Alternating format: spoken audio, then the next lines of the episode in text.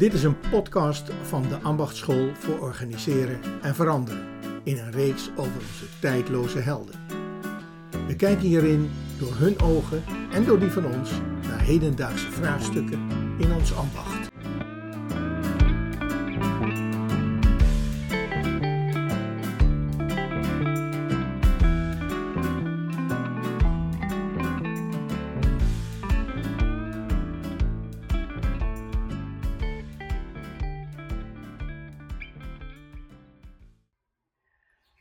We zitten hier bij elkaar, uh, Paul Kloosterboer en Jaap van het Hek.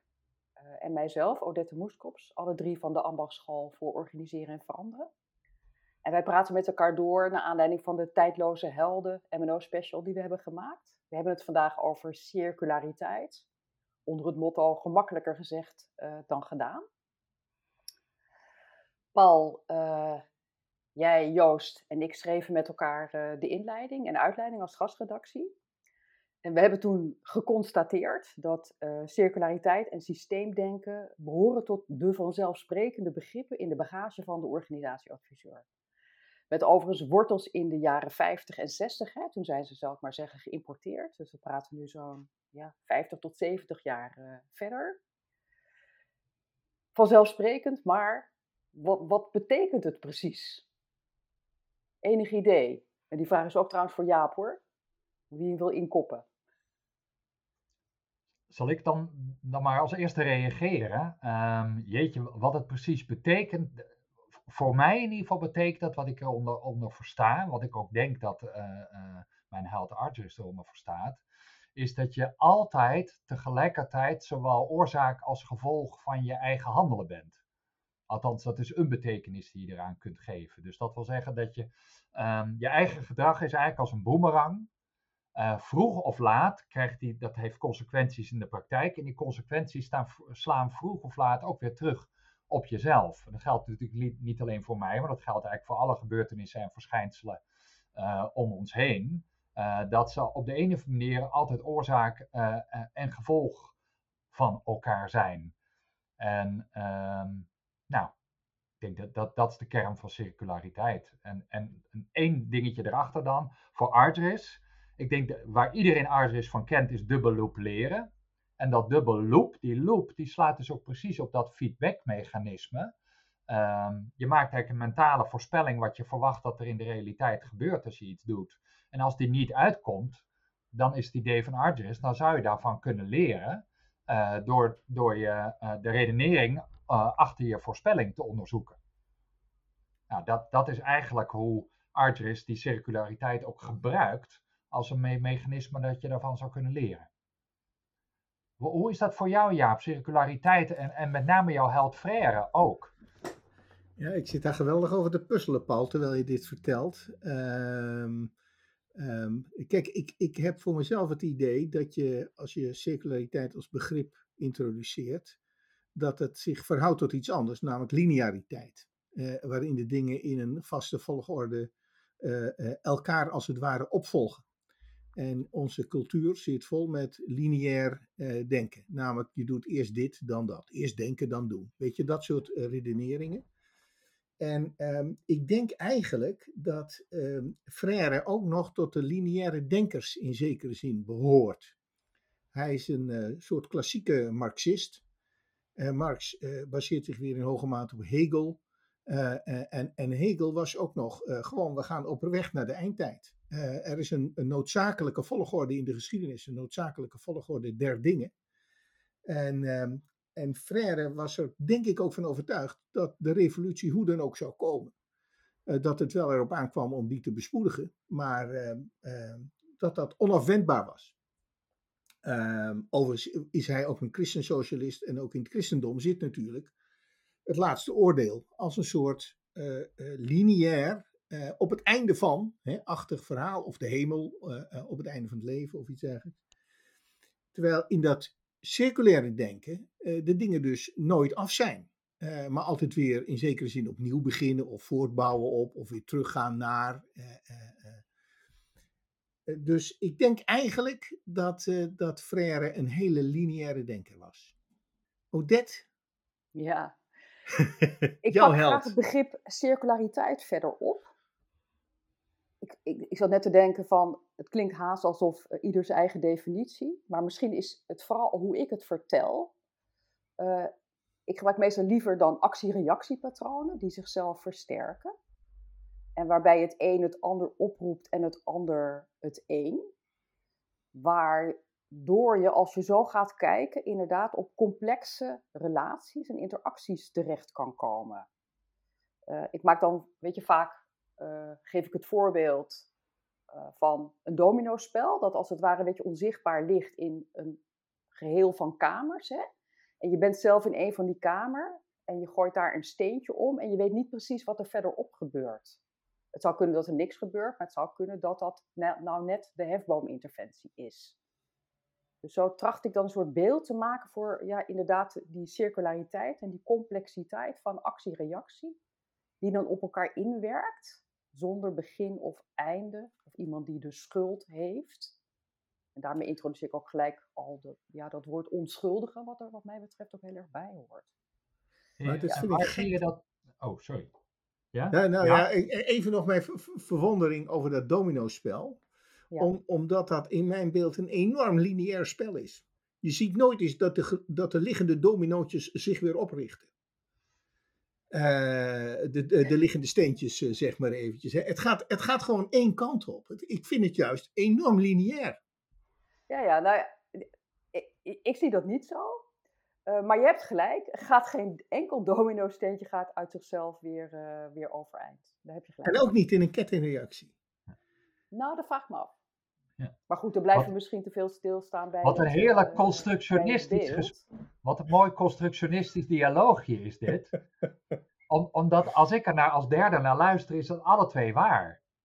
Dus ik zie dit tekeningetje in het boek van Carl Weick ook, The Social Psychology of Organizing, waarin hij die domino-steentjes in een cirkel opstelt en laat zien hoe zeg maar uh, uh, die cirkel uiteindelijk inderdaad rond en dat laatste domino-steentje het eerste weer raakt. Waarmee hij zeg maar eigenlijk aantoont van ja, ook het eerste steentje uh, krijgt uiteindelijk met de gevolgen voor zijn eigen val te maken.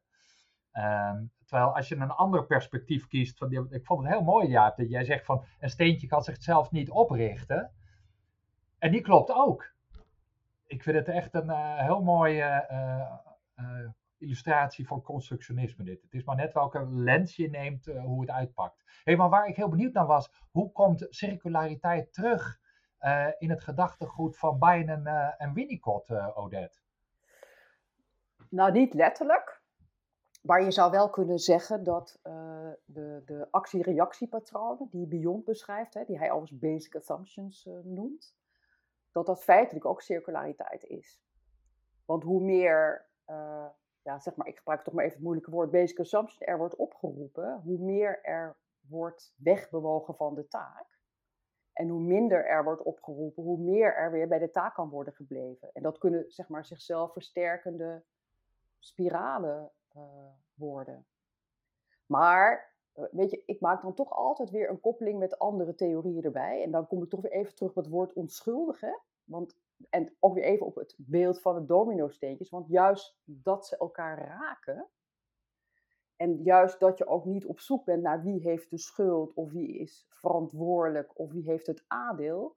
Maakt het onderzoekende gesprek mogelijk. En dat vind ik dan ook weer een hele mooie aanvulling op, uh, Paul, wat jij net vertelde over Arteris.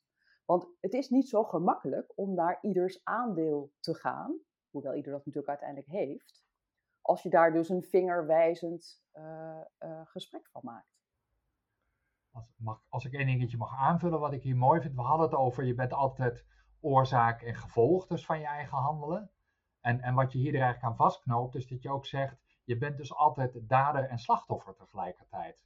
En dat, dat maakt ook dus dat eigen aandeel. Dus datgene uh, onze collega Ina Ahuis, de arteris-specialist uh, uh, binnen de ambachtschool, of de andere arteris-specialist als je wil, die zegt het altijd zo hoe is het toch mogelijk dat je zelf de grootste veroorzaker bent van datgene waar je het meeste last van hebt.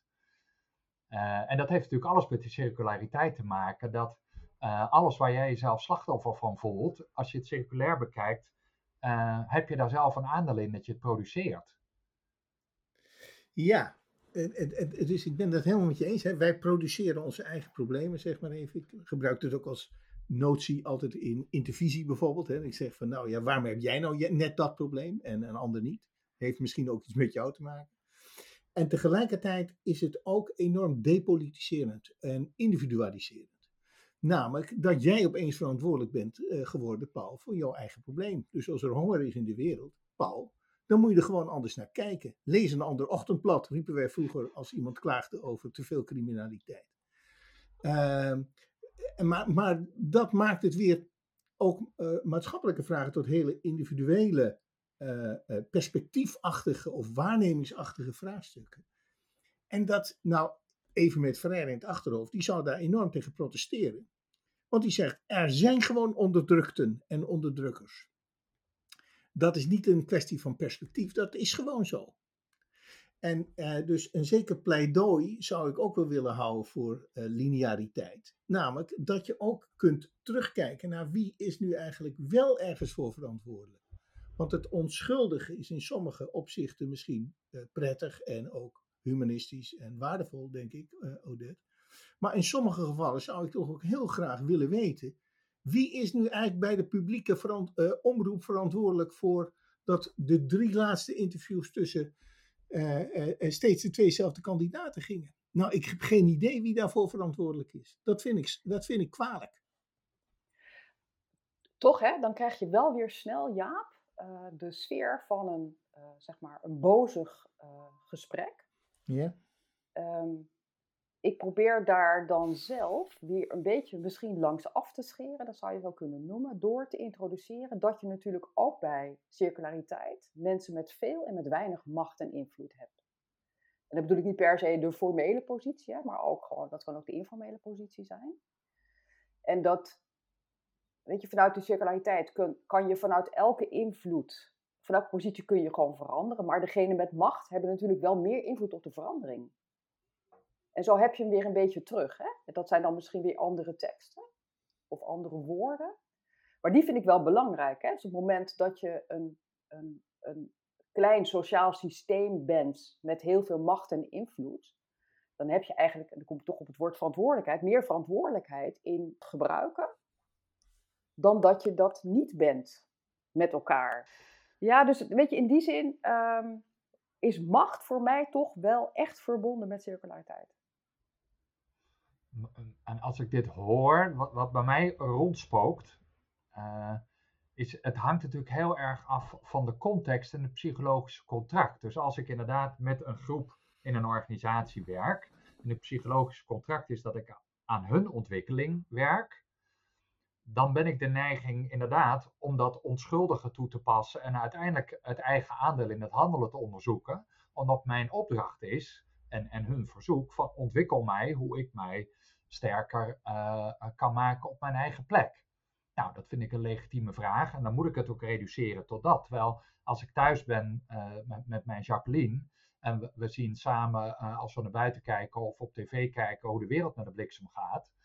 Ehm, en en, en dan, dan komen er allerlei beelden en oordelen op wie ik daarvoor verantwoordelijk zou willen houden. En dat zou ik toch niet graag willen laten afnemen. Alle kennis over onschuldiging ten spijt. Ehm, ja, loop ik uiteindelijk naar het stemhokje en maak ik een keuze wie ik verantwoordelijk wil maken en, en, en wie ik verantwoordelijkheid zou willen afpakken uh, in die zin. Uh, en, en volgens mij moet dat er ook zijn, want anders, nou, dus daar zit een, een rare gelaagdheid in. Kun je daar wat mee, Jaap? Nou ja, eh, zeker, Paul. Uh, want ja, ik, eh, eh, maar eh, ook hier is weer het interessante, je kunt, er, je kunt er lineair en je kunt er meer circulair naar kijken. Dus het vraagstuk van macht is natuurlijk ook zo'n vraagstuk wat heel veel gedefinieerd is vanuit het perspectief van de machtige, die iets kan, of weet ik veel wat.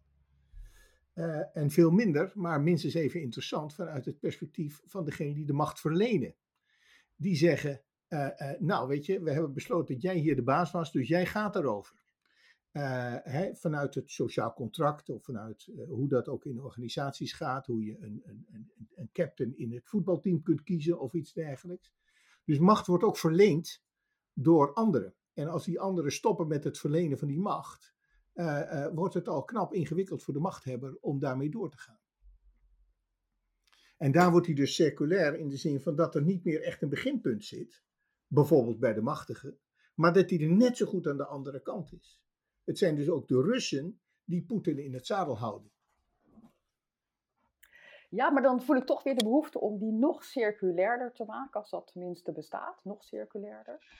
Dat is, nee, maar in de zin van macht krijgen en nemen, dat klinkt weer alsof oorzaak-gevolgachtig. Maar ik denk eigenlijk, je krijgt macht, je neemt het, je hebt er zelf ook weer een beeld van hoe je dat wilt gebruiken of hanteren.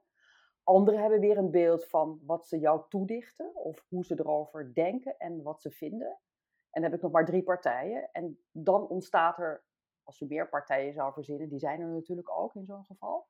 Dan ontstaat er dus een heel complex geheel, wat niet meer is van ik gaf jou deze macht toch en jij hebt dat toch geïnterpreteerd zoals ik dacht dat ik het gaf.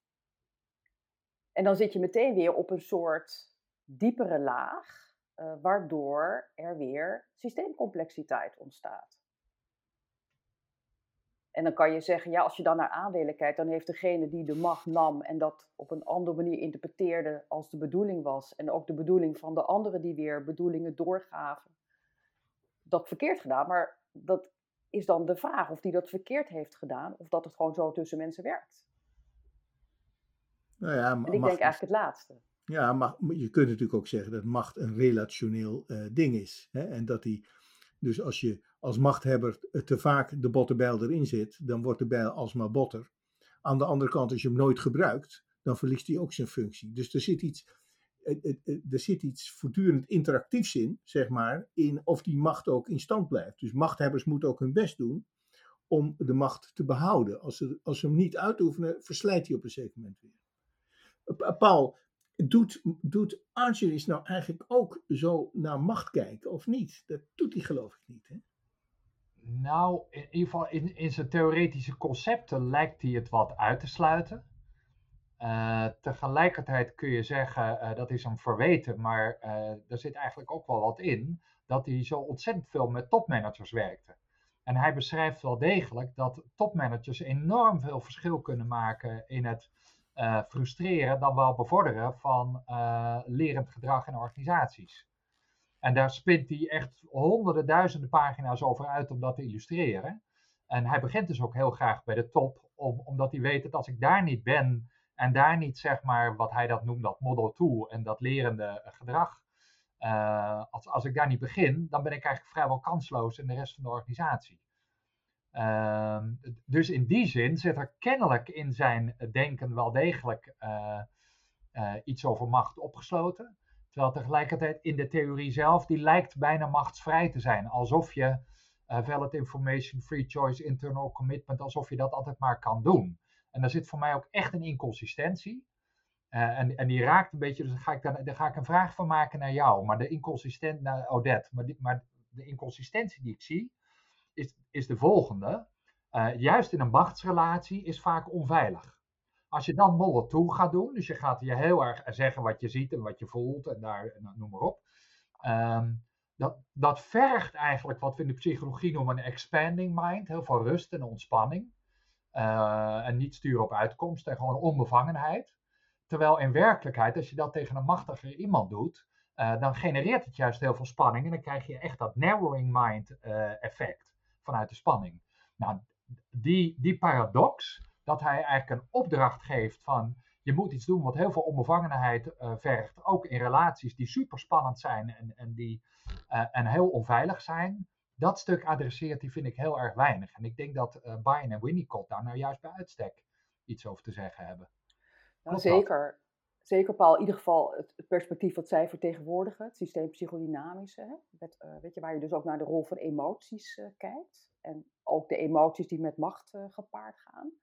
Maar ik wil in het kielzog daarvan nog even iets anders op tafel leggen. even verderop geleden in het gesprek introduceerde Jaap, maken we in ieder geval een koppeling tussen circulariteit en individueel.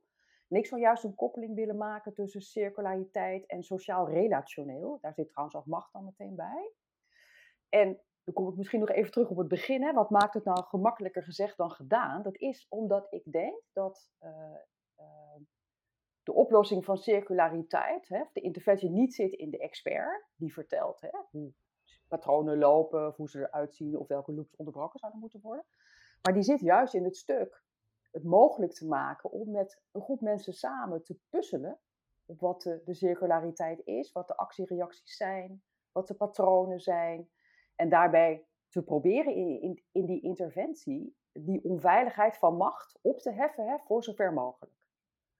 En vooral met het laatste, voor zover mogelijk. Ja, mooie, mooie aanvulling. Mooie aanvulling. Dus wat, wat, wat, ehm, wat ik me ook gewaar word, en misschien moeten we ook langzamerhand, uh, zie ik aan de tijd, naar een, naar een afronding toe. Dus dat uh, macht impliceert verticaliteit. En verticaliteit bestaat er in heel veel gelaagdheden. Dus daar hebben we ook zitten puzzelen, denk ik, als we het over circulariteit hebben. Binnen welke grenzen uh, kijken we naar die circulariteit? En die grenzen zijn altijd discutabel, want je kunt er altijd weer een niveau hoger en hoger en hoger tot en met de wereldpolitiek opleggen. En misschien dat uh, mensen als Verre dat gewoon juist heel opzettelijk deden. Um, wat, wat, mij in ieder geval, ik, ik, ik wou dat eigenlijk aanbieden als een soort slotconclusie. Toen jij inleidde, Odette, met uh, uh, de subtitel makkelijker gezegd dan gedaan, was ik nog heel erg zoekend van wat zou ze nou bedoelen. En eerlijk gezegd, na dit kleine gesprekje tussen ons drieën, is, mij, is, is dat echt heel erg gaan leven als de juiste subtitel voor dit gesprek. Want circulariteit en dat, dat onderzoeken en benoemen en daarmee werken, wauw, dat is echt makkelijker gezegd dan gedaan. Dit was een podcast in de reeks Tijdloze Helden van de Ambachtschool. We hebben meer van deze podcasts. U kunt ze vinden op deambachtschool.org.